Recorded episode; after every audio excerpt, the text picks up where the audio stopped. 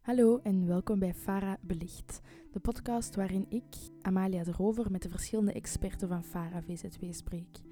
In vijf afleveringen bespreek ik met hen een aantal actuele en prangende vragen rond zwangerschapskeuzes. In deze aflevering sprak ik met Silke Brans. Zij is filosoof, seksoloog en therapeut en zij is verantwoordelijk voor het thema prenatale diagnose en maatschappelijke sensibilisering binnen FARA. Via haar wou ik meer te weten komen over de verwachtingen en vooroordelen, misschien ook taboes, die leven in onze maatschappij en een invloed kunnen hebben op de zwangerschapskeuzes van vrouwen en koppels. Veel luisterplezier! Ik merk dat kunnen kiezen voor een kind ook een zwaarte in zich kan dragen voor mensen. Wat een immense verantwoordelijkheid. Ga ik een goede ouder kunnen zijn voor het nieuwe mensje dat ik ga maken? Er komt bijna een heimwee naar toen het mensen gewoon overkwam. En dat is heel dubbel, want een verantwoordelijke keuze maken kan het kind zeer ten goede komen. Maar zijn wij als mensen eigenlijk wel in staat een dergelijke verpletterende beslissing in volle besef te dragen? Dus deze getuigenis van een hulpverlener heeft het over kunnen kiezen voor een kind. Um, en dat wordt, hij, of die persoon plaatst dat tegenover de tijd waarin het ons gewoon overkwam. Is dat kunnen kiezen of die keuzemogelijkheid, is dat tekenend voor onze maatschappij, Silke? Ja, ik, um, ik denk dat wel eigenlijk. Als je kijkt, wij wonen wij, wij, leven in een keuzemaatschappij, denk ik. Er zijn heel veel dingen mogelijk. Kijk maar gewoon als je naar de, de supermarkt gaat en je moet um, tussen vijf verschillende soorten, als het er al niet meer zijn, boter kiezen. Dat heb ik ooit eens iemand als voorbeeld horen gebruiken. Um, ja, hoe doe je dat dan? Hè? Um, en boter is nu iets heel onnozel. Maar het is zo met alles. Wat ga ik studeren? Welke partner kies ik? Um, welke job ga ik doen?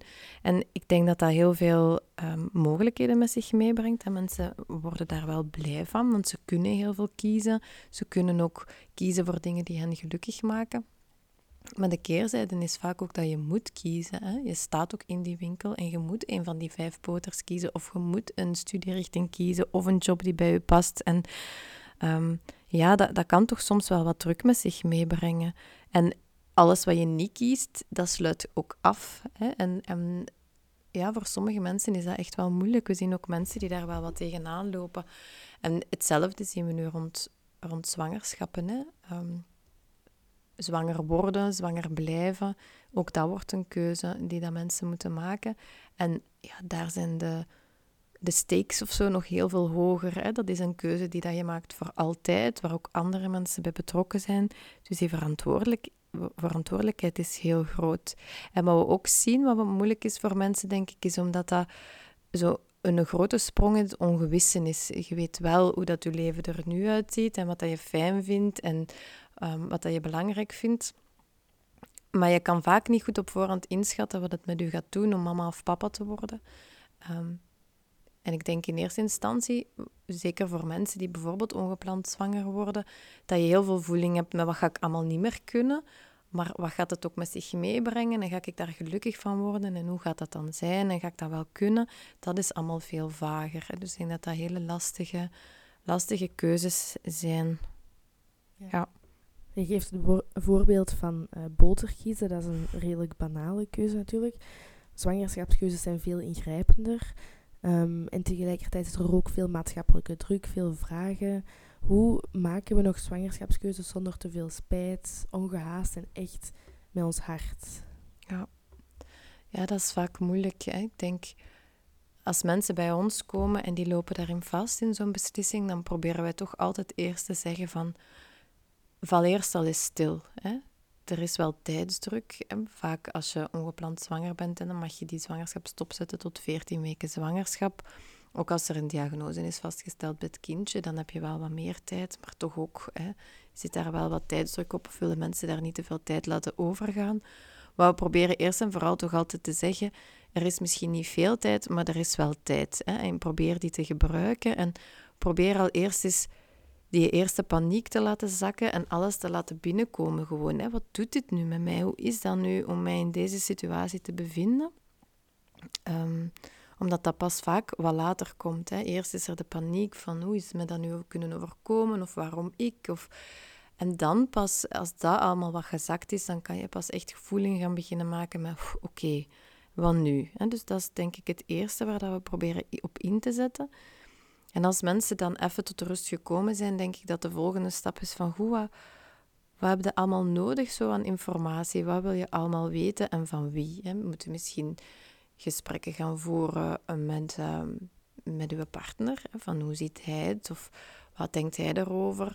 Moet je gesprekken gaan voeren in uw gezin of in uw gezin van herkomst? Hoeveel steun dat er is, wat, wat iemand voor jou kan betekenen in deze situatie?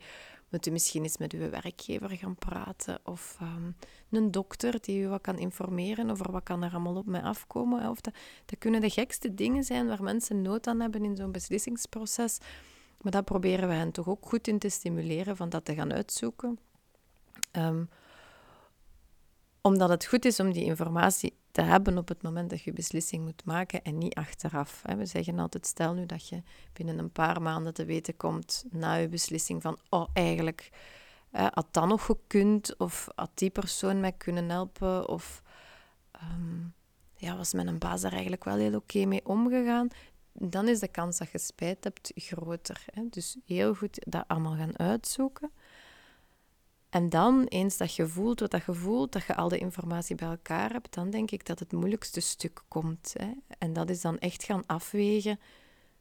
En wat vind ik nu echt belangrijk? want heel veel informatie die dat je gaat vinden, gaat wel belangrijk zijn, maar gaat misschien niet zo doorslaggevend zijn. Hè? Ik denk bijvoorbeeld aan ehm, oh, ik ben nu ongepland zwanger van mijn derde kind en wat gaat mijn omgeving daarvan zeggen? Hè? Want we hebben nu net twee kinderen, dat, was, dat zat allemaal goed. Ja, misschien is dat wel belangrijk wat de buurvrouw daarvan denkt, maar misschien gaat dat niet doorwegen in de beslissing die dat je wilt maken. Hè? En kun je dat dan parkeren?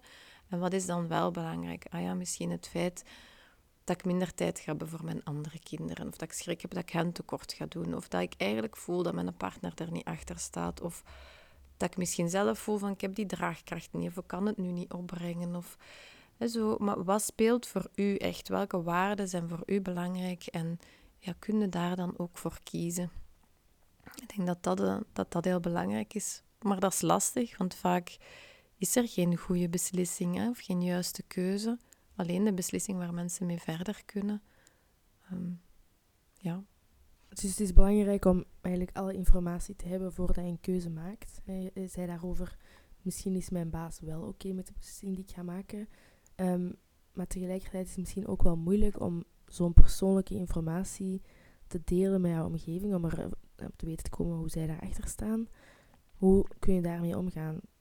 Ja, absoluut. Dat is ook, dat is ook helemaal niet zo gemakkelijk. En dat horen we ook vaak. Van ja, ik zou wel willen weten van mijn mama of dat die als ik verder ga met de zwangerschap en dit kindje af en toe zou kunnen opvangen. Of, maar ik durf het daar niet zeggen, want stel u voor dat ik dan achteraf toch kies voor die abortus. Wat gaat ze dan van mij denken? En dan, ja, hoe kan je dat oplossen? Ik denk soms proberen we goed met hen te spreken van oké, maar kijk, stel jij kent je mama wel. Hè? Wat, wat, kun je denken van haar verwachten? Of kunnen er eens over gaan spreken zonder dat je vertelt dat je zwanger bent. Stel dat ik ooit kinderen zou hebben, hoe zou je dat dan zien? Hè? Of bijvoorbeeld bij een baas van, ja, wat is de bedrijfscultuur? Hoe wordt er daar omgegaan met zwangere vrouwen en hoe gaat er dan ook met u worden omgegaan? Hè? Zo, dat proberen we wel wat te zoeken, omdat we inderdaad wel voelen, je kunt niet zomaar iedereen in vertrouwen nemen of vrouwen willen dat niet.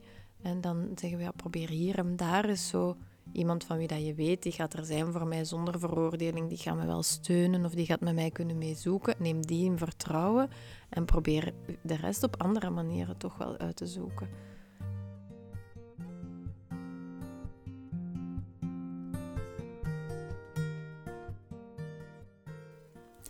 Ik ben uh, mama van twee kinderen en eigenlijk mijn grote droom is ook derde kind te hebben. Maar dat lukt eigenlijk niet zo goed. Ook omdat uh, ik een man die heel, heel hard werkt en s'avonds werkt. En uh, er zijn mensen rondom mij die in vraag stellen of ik dat aan kan of niet. En dat vind ik dan eigenlijk heel tristig, omdat dat mijn droom is altijd geweest om echt grote gezin te hebben. Met vijf, zes kinderen, s'morgens aan ontbijttafel zitten, praten. En vroeger was dat eigenlijk meer dan normaal.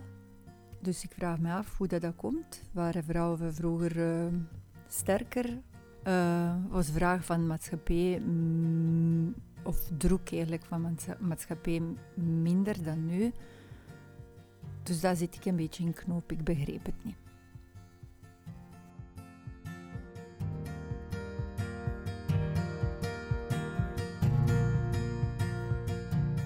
er zit zoveel hè, in dat fragment. Ik vind zo, wat mij daar opvalt, is zo de, de normen die onze maatschappij wel oplegt zo aan ouders. En hoe dat zij ouder moeten zijn en wat juist is of wat dat we verwachten. En er zijn eigenlijk best wel hoge standaarden, vind ik. Ik vind het niet ontypisch dat er hier spreekt van twee kinderen en de keuze om niet voor een derde te gaan, omdat dat ook zoiets is. Hè. Je krijgt liefst twee kinderen een jongen en een meisje in een stabiele relatie waarbij de beide partners werken, waar dat je graag nog in een eigen huis woont en het allemaal wel voor elkaar hebt en misschien je carrière ook al wel goed onderweg. Zo dat lijkt de norm te zijn en ehm, ja, als je dan kiest voor het ouderschap, dan moet het ook wel goed doen. Hè. Liefst borstvoeding geven, gezonde groentepap maken. Uh, kinderen moeten hobby's hebben, je moet daar quality time mee doorbrengen. En ondertussen moet je ook nog ehm, hobby's hebben en een goede partner zijn. En dat, dat wordt vaak niet zo heel expliciet gesteld, maar die verwachtingen zitten er wel. Of dat is ook het plaatje dat via sociale media bijvoorbeeld heel veel naar voren geschoven wordt. Alles wat goed gaat, alles wat belangrijk is. Terwijl dat, dat wel enorm hoge standaarden zijn om als, ehm, als koppel of zo aan, aan, naar op te leven. En ehm, ik merk dat veel vrouwen en, en koppels daardoor ook wel wat overdonderd worden. En ik denk niet dat vrouwen vroeger sterker waren, maar ik denk dat er wel. Ehm, dat de maatschappelijke context wel anders was. Hè. Denk, als ik bijvoorbeeld kijk naar, naar mijn eigen situatie. Mijn grootouders die waren op pensioen toen mijn mama kinderen kreeg. Dus die waren er om te helpen. Die hadden, er was ondersteuning. En in een context waarin dat vrouwen vroeger acht, negen kinderen kreeg, ja, dan was er altijd wel een tante die over de vloer kwam om te helpen. Of dan had je zelf al als oudste van het gezin ervaring met hoe het is om kleine kinderen op te voeden. Dat was in een meer gedragen of in een netwerk. En je wist al meer waar dat je aan begon. Uh, en nu valt dat allemaal terug zo op dat kerngezin met twee. Die moeten dat dan allemaal maar waarmaken. En krijgen dan dat ideaalplaatje opgelegd. Dus ik denk dat dat toch zeker wel wel speelt allemaal.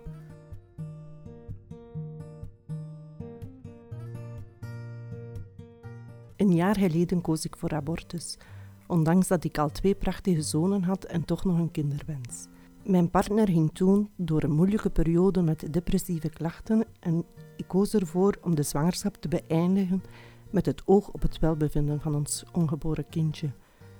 Het blijft moeilijk om mijn omgeving hierover te informeren. Hoe kan ik toch blijven staan wanneer ik mijn verhaal wil vertellen over dit thema dat toch enorm taboe is? Abortus is een van de vele keuzes die we kunnen maken, of een van de vele beslissingen. En toch is er heel veel taboe rond dat, rond dat thema. De vrouw vertelt zelf ook dat ze, dat ze niet het gevoel heeft dat ze dat aan haar omgeving kan vertellen, terwijl het wel belangrijk is om daarover te kunnen praten. Hoe komt het dat allee, specifiek abortus dan, zo hard in de taboesfeer blijft hangen. Ja, eigenlijk is dat gek, hè? Want we proberen in onze maatschappij zo hard in te zetten op reproductieve autonomie, heet dat dan. Hè? Vrouwen en koppels moeten zelf kunnen beslissen over een zwangerschap om die verder te zetten, om die af te breken, ook in de context hè, van bijvoorbeeld prenatale testen. We willen dat allemaal graag weten, we willen allemaal keuzes kunnen maken, maar we voelen toch eens dat die beslissing dan voor ons staat, dat dat iets is dat echt heel zwaar weegt en dat niet, waar niet meer zo open over gesproken kan worden. En dat is een gekke tegenstelling, vind ik altijd. Maar ik denk dat dat, ik, ik zie daar twee stukken in. Ik denk langs de ene kant, als het dan echt gaat rond die ethische vraag bijna, van is het oké om een zwangerschap af te breken, om welke reden dan ook, dat dat toch vaak nog heel erg gepolariseerd in de media komt. Hè? En dat we zeker ook in de laatste maanden, jaren zien hoe dat, dat zelfs terug erger wordt. Dat langs de ene kant er heel hard geroepen wordt op baas in eigen buik en vrouwen moeten zelf kunnen beslissen. En langs de andere kant die beweging van abortus is moord en dat kan niet en we moeten rechten van vrouwen gaan terugschroeven, dat die terug heel hard in de opmars zit. Dus als dat zo zwart-wit is, dan denk ik dat je ook wel heel hard voelt als vrouw. Er is een heel groot stuk van de maatschappij die mijn keuze veroordeelt. Um, dus dat denk ik dat al lastig is. Maar het tweede stuk is ook, omdat het zo gepolariseerd is, wordt er in de media of in onze maatschappij heel weinig gesproken over als ik als vrouw of als wij als koppel voor zo'n keuze komen te staan, dan is dat niet meer in het abstracte. Vind ik dat oké of vind ik dat niet oké? Maar dan is dat vaak een hele existentiële beslissing die iets zegt over wie ben ik, hoe sta ik in het leven, wat vind ik dat kan. Niet met een zwangerschap in het abstracte, maar met mijn zwangerschap en mijn mogelijk kind. Ehm, en daar zijn ze vaak niet op voorbereid of zijn we niet op voorbereid, omdat dat soort beslissingen niet meer zo vaak op ons pad komen en omdat dat stuk vaak ook heel onverwacht komt. We horen niet onregelmatig een vrouw die zegt van ja, ik was altijd van overtuigd als ik ongepland zwanger ging worden, ja, dan wou ik het niet. Of ik ben helemaal voor abortus, maar nu dat ik daarvoor moet beslissen, nu loop ik daar eigenlijk helemaal in vast. Um, ja, ik denk die, die nuance die dat vrouwen dan voelen, dat die vaak niet weerspiegeld wordt in hoe dat er in de maatschappij over gesproken wordt. En dat dat, dat ook wel ja, schaamte en schuldgevoelens met zich meebrengt. Deels omdat de helft van de maatschappij, nu overdrijf ik er een beetje, hè, daar negatief naar kijkt. Maar ook omdat zij zelf voelen van, goh, wat zegt dat nu over mij, hè, dat ik deze zwangerschap stopzet. Um, en dat schaamte en schuld gevoelens zijn die het niet eenvoudig maken om de stap naar buiten te zetten. En hoe minder vrouwen met die gevoelens naar buiten komen of die nuance naar buiten brengen, ja, hoe minder vrouwen ook geneigd gaan zijn om dat na hen ook te doen. Ik wou het nog eventjes hebben over die prenatale testen. Ehm, opnieuw weer een keuze die gegeven wordt. Ik kan me voorstellen dat de rol van de omgeving daarin ook belangrijk kan zijn, dat dat een rol kan spelen. Opnieuw, hoe maak je dan over die prenatale testen weer een keuze zonder te veel te laten te, beïnvloeden van buitenaf? Mm ja, dat is een moeilijke vraag, vind ik, om dan nog meer specifiek over die prenatale testen. Dat is een beslissing. Hè. Wil ik in mijn zwangerschap laten testen of dat mijn kindje een, een risico heeft op een ernstige aandoening? Hè. En dat is een beslissing die vrouwen zelf mogen maken, maar die testen worden heel erg standaard aangeboden.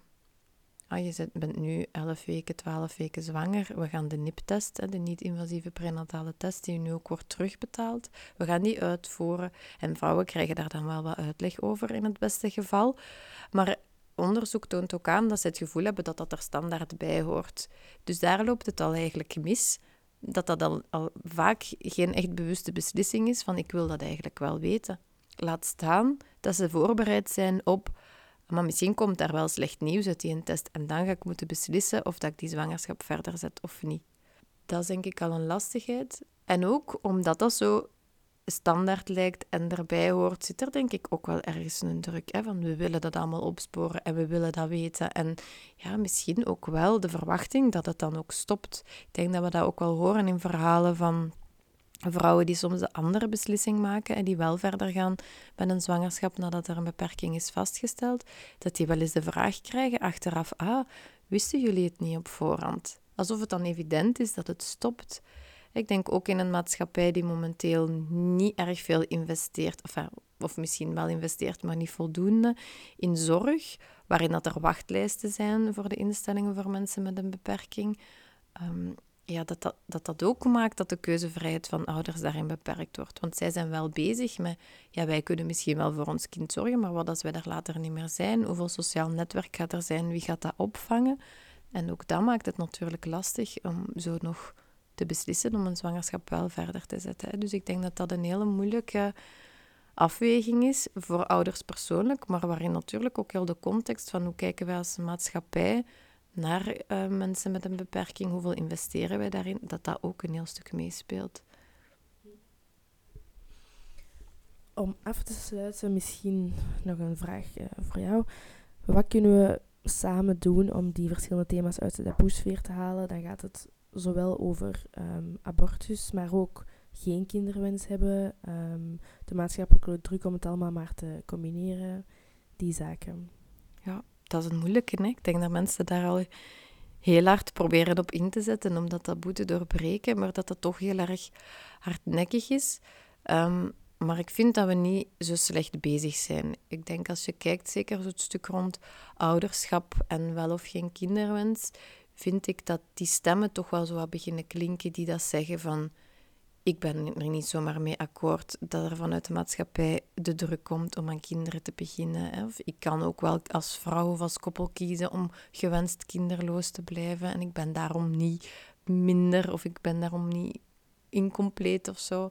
Um, ik vind dat dat wel opkomt. Hetzelfde met um, Facebookgroepen of websites of individuele uh, mensen die dat toch ook wel de stem naar buiten brengen van ouderschap is iets heel mooi, maar het is ook niet altijd evident en het is moeilijk en ik worstel daarmee. Um, die dat de verhalen brengen van er is zowel goed als minder goed en dat is ook allemaal oké.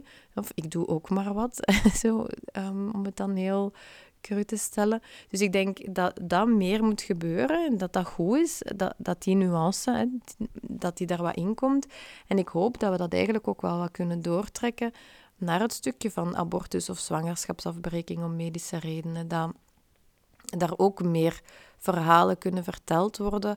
Um, en ik denk dat dat bij vrouwen begint zo ik weet niet, um, Tessa Louise Pope, dat is een Nederlandse documentairemaakster. Die heeft een hele mooie documentaire gemaakt over abortus. Um, waarin dat vrouwen eigenlijk komen vertellen, niet zozeer over hun omstandigheden waarin dat ze voor die abortus hebben gekozen, maar wat dat, dat eigenlijk wel met hen heeft gedaan. Um, en ik denk dat dat heel mooi is, dat wij dat als vrouwen moeten durven beginnen delen met elkaar, of mannen, hè, want die hebben net zo goed genuanceerde gevoelens rond zwangerschapskeuzes, maar dat we dat eens een beetje meer moeten durven. En niet van, ik heb dat gekozen omdat ik um, het financieel niet breed had of omdat ik schrik had dat mijn partnerrelatie niet zou overleven, maar wel van, amai, dat was wel lastig. Ik heb voor die keuze gestaan en ik was daar wel wat angstig rond of ik vond dat echt wel een worsteling of nu zoveel jaar verder denk ik daar soms nog wel eens aan of zo echte verhalen van wat, wat doet dat met mensen, hoe gaan ze daarmee om, hoe geven ze aan plaats in hun leven, omdat ik denk dat daarin heel veel begrip kan zitten zo. De feiten van waarom dat iemand een keuze al dan niet maakt, daar roept soms wel veroordeling op. Of toch niet daarom, of allee, wat heeft die nu gedaan? Maar ik denk wat mensen beleven en de emoties die dat ze doorgaan, die kunnen we wel allemaal Ehm, daar kunnen we ons wel iets bij voorstellen, denk ik. En ik hoop dat als dat zo met mondjesmaat begint gedeeld te worden, dat dat dan ook hè, met mensen onderling, dat dat dan ook op maatschappelijk niveau wel wat gaat doorcijpelen. Zoals dat in die andere thema's wel bezig is, denk ik. Ja, beetje bij beetje. Silke, super hartelijk bedankt voor dit gesprek. Dankjewel. Bedankt voor het luisteren. Moest je na deze aflevering nog met vragen zitten, dan kan je altijd eens een kijkje nemen op vara.be of Silke contacteren via vragen.vara.be.